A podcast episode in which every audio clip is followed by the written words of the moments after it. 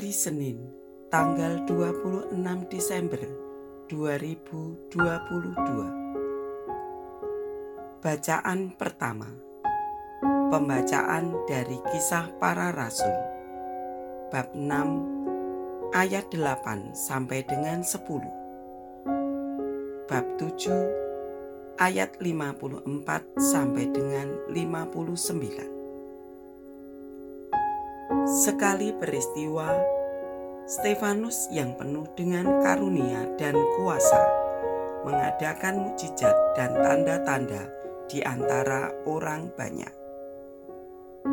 Tetapi tampillah beberapa orang dari jemaat Yahudi yang disebut orang Libertini.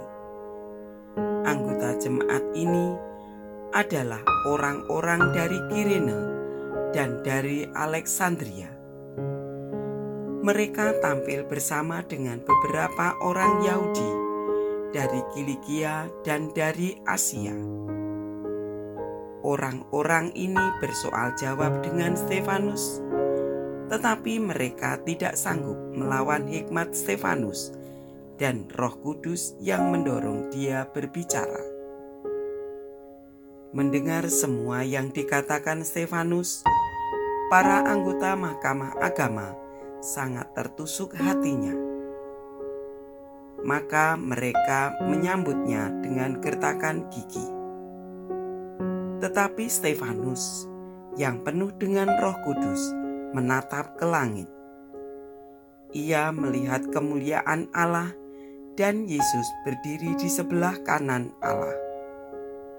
Maka katanya, "Sungguh, aku melihat langit terbuka." Dan Anak Manusia berdiri di sebelah kanan Allah. Maka berteriak-teriaklah mereka, dan sambil menutup telinga, serempak menyerbu Dia. Mereka menyeret Dia keluar kota, lalu melemparinya dengan batu. Dan saksi-saksi meletakkan jubah mereka di depan kaki seorang muda yang bernama Saulus. Sementara dilempari, Stefanus berdoa, "Ya Tuhan Yesus, terimalah rohku." Demikianlah sabda Tuhan.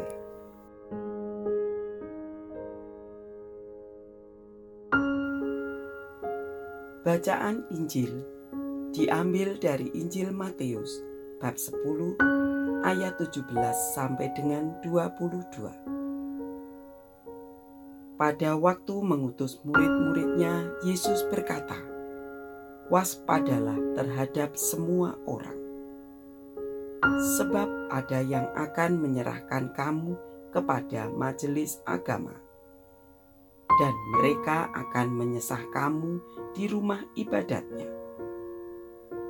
Karena Aku kamu akan digiring ke muka penguasa-penguasa dan raja-raja sebagai suatu kesaksian bagi mereka dan bagi orang-orang yang tidak mengenal Allah.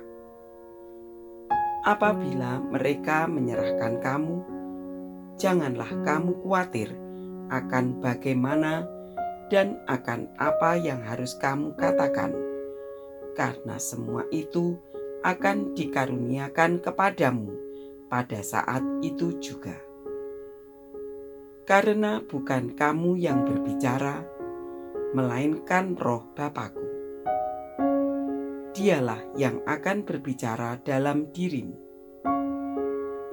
Orang akan menyerahkan saudaranya untuk dibunuh, demikian juga seorang ayah akan menyerahkan anaknya anak-anak akan memberontak terhadap orang tuanya dan akan membunuh mereka.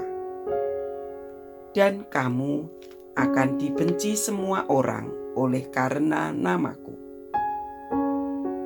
Tetapi orang yang bertahan sampai pada kesudahannya akan selamat. Demikianlah sabda Tuhan.